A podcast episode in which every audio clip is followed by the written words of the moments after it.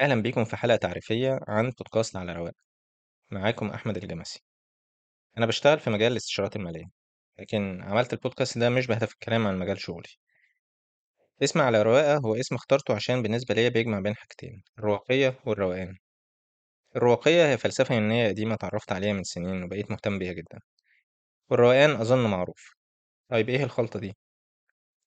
أنا في البودكاست ده مش الهدف أقول كلام فلسفي معقد. الفلاسفة زمان ما كانوش بالصورة النمطية اللي عندنا دلوقتي لشخص منطوي ومنهمك في الكتب بعيدا عن الناس والشأن العام.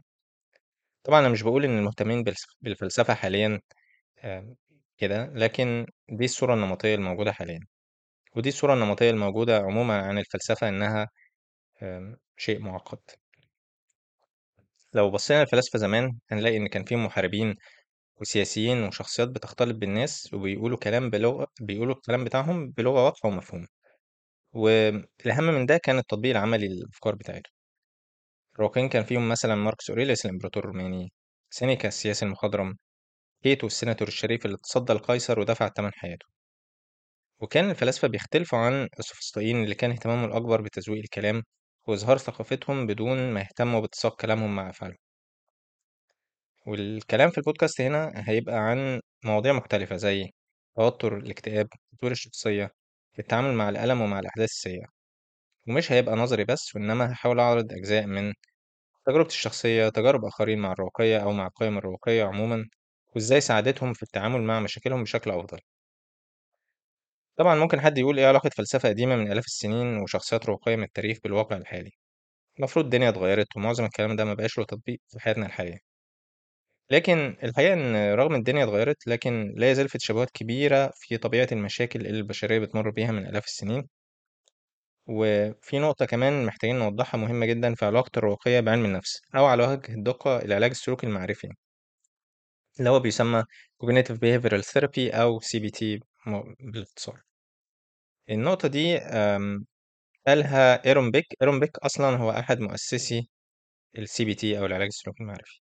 قال في كتاب له اسمه The Cognitive Theory of Depression إن العلاج السلوكي المعرفي تعود جذوره إلى الفلسفة الرواقية الحقيقة أنا ما قريتش الكتاب بتاع The Cognitive Theory of Depression لكن أنا قريت الكلام ده عن طريق كاتب تاني اسمه دونالد روبرتسون. دونالد روبرتسون هو معالج نفسي متخصص في ال CBT ومهتم برضه في الرواقية وبيربط بينها وبين الرواقية في الكتب بتاعته والمقالات بتاعته.